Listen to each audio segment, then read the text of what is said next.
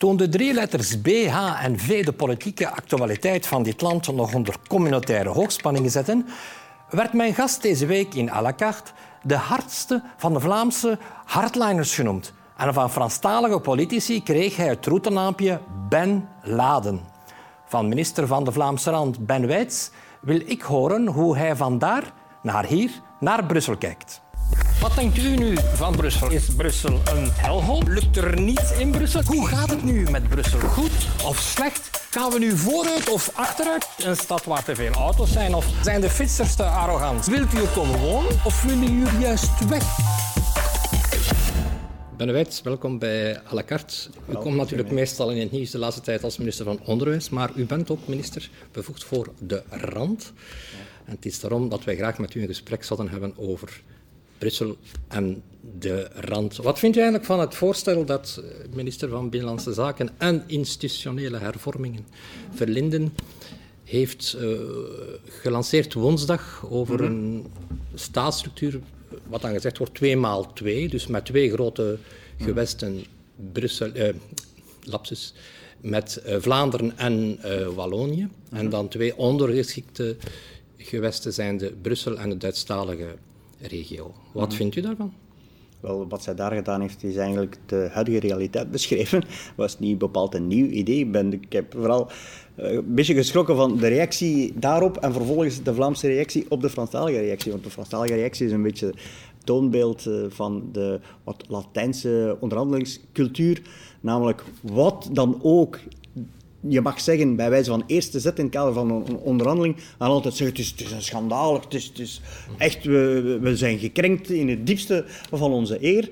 Uh, een beetje op hoge poten een, een, reactie, terwijl dat men uiteindelijk die 2x2 die zij uh, beschreef, dat is vandaag de realiteit. Maar is dat niet het Brussels gewest. Is dat ook het standpunt van, van uw partij? Ja, maar Brussels gewest heeft vandaag een ander statuut institutioneel dan uh, Vlaanderen en, uh, en Wallonië. Dus uh, dat is totaal niks nieuws. Ja. Nee, wat, wat wij ter zake eigenlijk vooral zouden willen bepleiten is... Um, één, je moet opletten met het, het wegvallen van het onderscheid tussen grondgebonden bevoegdheden en persoonsgebonden bevoegdheden. Eigenlijk ons hele institutioneel systeem is daarop gebaseerd, op dat onderscheid. Namelijk dat je de gewesten, die zijn dan bevoegd voor grondgebonden materies en de gemeenschappen voor de persoonsgebonden materies. Eigenlijk willen wij als NVA daarop gewoon voortbomen en zeggen wij, kunnen we er niet voor zorgen dat we de hoofdstedelijke functie van Brussel, dat we die versterken? Door de band te gaan versterken tussen Brussel en de andere deelstaten, maar ook door Brussel meer vrijheid te geven en dus ook meer verantwoordelijkheid. Ja, maar in Brussel heeft het gevoel, u kent die uitspraak, een ja. région à part entière, een, een, een, gewest zoals de andere, dat is iets dat regelmatig terugkomt. U mm -hmm. ziet ook het voorstel van PS-voorzitter Magnet, die zich dus heel duidelijk uitspreekt voor vier gewesten die dezelfde bevoegdheden hebben. En dan heeft u aan de andere kant heeft u de voorstellen van DEFI en ook van enkele CDH'ers die ronduit de grenzen van Brussel willen verleggen. Dus er er leeft toch iets. Hè? Er is toch wel een opbod. Is dat normaal, het opbod naar misschien de volgende staatshervorming? Wat is het, voorspel dat klassiek gespeeld wordt, waarbij dat uh, posities worden ingenomen. Natuurlijk ook, uh, en je ziet dat aan, aan Franstalige zijde, dat men dan een beetje hoger mikt om lager te kunnen uitkomen. Daarom vond ik het niet verstandig om daarop te reageren op de uh, Franstalige verontwaardiging door te zeggen oeh, ja, maar ik heb dat zo niet bedoeld. En je moet dat... Ja, zeg, alsjeblieft, dan ga je al onmiddellijk met, met de witte vlag op kop de onderhandelingen intrekken, dus doe dat niet. maar ik wij willen eigenlijk vooral die Brusselse hoofdstedelijke functie willen wij verankeren en dus ook de band verankeren tussen uh, Brussel en Vlaanderen. Mm -hmm. En uh, laat dat onderscheid, laat dat toch niet vallen tussen grondgebonden en persoonsgebonden materies. Dus wij willen eigenlijk zelfs Brussel meer verantwoordelijkheid geven, meer vrijheid geven, bevoegd maken voor zowel fiscaliteit, mobiliteit, economie, maar dus ook daarvoor de financiële verantwoordelijkheid dragen en voor de eigen beleidskeuzes, in plaats van nu altijd naar boven te kijken en eh, vragen, we hebben meer geld nodig. Nee, draag zelf verantwoordelijkheid en je krijgt dan zelf daarvoor ook de bevoegdheden.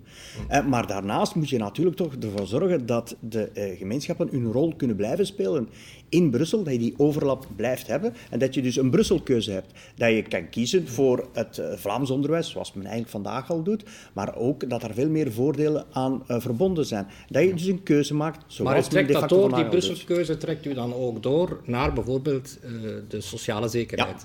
En is dat realistisch, omdat je een stad hebt uh, waarin momenteel 183 nationaliteiten mhm. leven. Het is niet meer het Brussel van 20, 30 jaar geleden, was duidelijk een stad was van Franstaligen en Vlamingen en een, een grote, een kleine minderheid liever mhm. buitenlanders. Dat is nu toch wel helemaal anders. Kan u, begrijpen, kan u begrijpen dat daar toch met enige sceptisch wordt naar gekeken, naar die echt zeer diverse multiculturele... U, u weet, het is de meest diverse stad ter wereld met het, meest, het grootste aantal uh, buitenlandse gemeenschappen. Mhm. Kan je die nog uh, een systeem opdringen waar je moet kiezen. Dat er dus eigenlijk, dat kan zijn dat jouw buurman een ander systeem kiest voor sociale zekerheid als, als, als jij. En waarom niet? Eén, van concurrentie word je toch maar beter. En wie gaat er in de eerste plaats beter worden van concurrentie? Dat is de consument, diegene die de keuze heeft.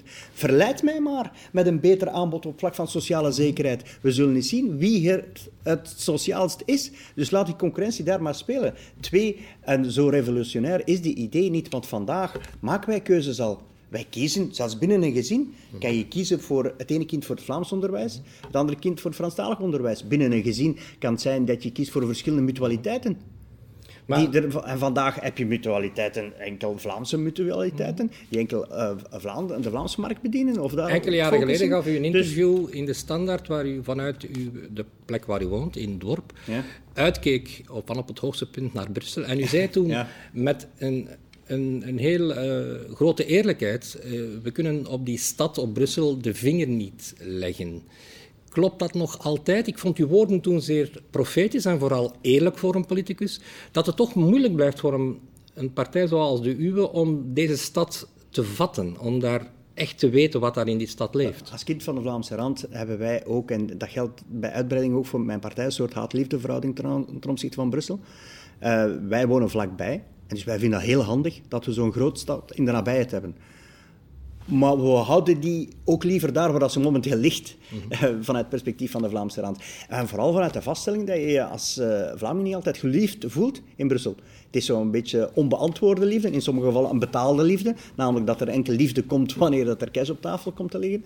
Dus dat is, uh, maakt dat heel Vlaanderen eigenlijk een betrekkelijk ambiguë relatie heeft ten opzichte van Brussel. En zeker vanuit de Vlaamse rand. Maar wat u zegt, is dat niet... U heeft, ook daar heeft u interessante dingen gezegd. U, u zei, in de rand zou in feite de, de band tussen de Franstalige politieke klasse en de inwoners niet zo, moet, zou eigenlijk moeten doorgeknipt worden, omdat u u, mhm. suggereerde dat die invloed te groot is en dat wat leeft bij de inwoners, ook bij de anderstalige inwoners van de rand, dat dat behoorlijk verschilt met de soms rabiate taal van uh, l'Union des Francophones. Hoe is die evolutie? Want u heeft het goed gekend natuurlijk. U heeft die je, zien evolueren. Je ziet natuurlijk dat die politieke band nog altijd blijft behouden. Want ja, van een volledige splitsing van de kiesarrondement is uiteindelijk geen sprake. Wij heeft daar een heel vreemde redenering, een vreemde systematiek toegepast voor de faciliteitengemeente waarbij dat je twee overlappende kieskringen de facto hebt. Maar vooral het belangrijkste is natuurlijk dat uh, men al het mogelijke tracht te doen om die Franstaligen in de Vlaamse rand te blijven bereiken. Uh, ook met niet altijd te even uh, integratiegerichte uh, aanspraken en, en discours, waardoor dat die maar band... Speelt, speelt dat nog bij de bevolking? Is die bevolking... de, bevolking de bevolking reageert toch anders op Vlaamse initiatieven dan 30 jaar geleden. Ja, maar je ziet dat uh, heel veel Franstaligen bij ons in de Vlaamse Raad bereidheid tonen tot integratie. Ook hun kinderen naar het Nederlandstalig onderwijs sturen. Eigenlijk nog altijd niet genoeg, want het is nog altijd nog maar een 67% van de Franstalige inwoners in de Vlaamse Rand die hun kinderen ook naar het Nederlandstalig onderwijs sturen. Dus daar is nog marge voor verbetering. Maar je ziet toch dat, dat die ommekeer zich heeft, uh, zich heeft genesteld in de geesten. Maar daar tegenover staat natuurlijk een discours, ook vanuit de politiek, die altijd wil blijven inspelen op die mensen, die blijven die band willen behouden. Terwijl wij eigenlijk zeggen, je bent zo van harte welkom in die Vlaamse rand, maar pas u volledig aan en kies niet alleen bij wijze van voor een carrièrekeuze voor de kinderen voor een Nederlandstalig onderwijs, maar kies voor de Vlaamse gemeenschap. en wees Vlaming onder de Vlamingen. Op middellange termijn kan dat toch niet anders als in uw voordelen evolueren. Als 67% van de kinderen op termijn tweetalig wordt, wordt die band toch helemaal anders. Dan zal je toch, het zijn niet meer de, niet meer de Franstalige bourgeois van de jaren 60, die alleen maar minachting hadden voor het, eh, voor het uh, Nederlands. Het is eigenlijk dat idee van die olievlek. Leeft dat nog altijd zo sterk bij u dat u vreest dat die Brussel gaat uitdijnen? Ja, je ziet natuurlijk wel in de realiteit bij ons nog altijd en, uh, ja, een soort vervreemding. Je ziet in het straatbeeld dat dat stilaan tweetalig wordt. Dat je uh, ook als gemeentebestuur uh, uiterste best doet om te verhinderen dat, dat winkels zich ook tweetalig gaan opstellen. Maar ja, sommige sociologische fenomenen kan, je niet tegenhouden. Hè. Um, maar je moet daar zwaar op werken en dat doen we met volle kracht. Maar, dus je ziet dat effect wel degelijk. En ik, ik snap dat dat voor mensen van buiten de Vlaamse rand dat die ook niet kunnen vatten, maar je ziet dat wel degelijk en je wordt daar ook dagelijks mee geconfronteerd. Het gegeven ja, dat Franstaligen natuurlijk, of anderstalig, maakt nu niet uit, um, ja, toch ook te weinig de boodschap krijgen van het hinterland van ja, wanneer dat je ergens anders naartoe gaat, dan moet je je aanpassen, moet je je integreren, punt aan de lijn. Ja, dat is niet zo evident, want ze, krijgen ze krijgen, blijven nog altijd een andere boodschap krijgen. Waardoor dat sommigen zelfs uh, oprecht en goed menen denken in mijn gemeente Beersel dat er faciliteiten zijn, dat er een tweetalige gemeente is. Ja. Maar en is die, is die meertaligheid, is die meertaligheid, die evolutie naar meertaligheid, is dat zo vreselijk erg? Want bij de jongere generatie van Vlamingen bestaat toch niet meer die houding die sommige Vlamingen uh, hadden vroeger om een beetje beschaamd te zijn over het Nederlands, om snel uh, zich te laten verfransen. Dat is toch voorbij. Dus kan je daar toch niet, kan je toch niet hopen dat dat eigenlijk niet zo erg is dat daar ook Frans en Engels wordt gesproken. Dat is hier in Brussel ook. Daar gaat het ook niet over het eh, taalgebruik in, in privémeetings, daar gaat het niet over. We gaan wel over het feit dat wij onze gemeenten Vlaams en groen willen houden.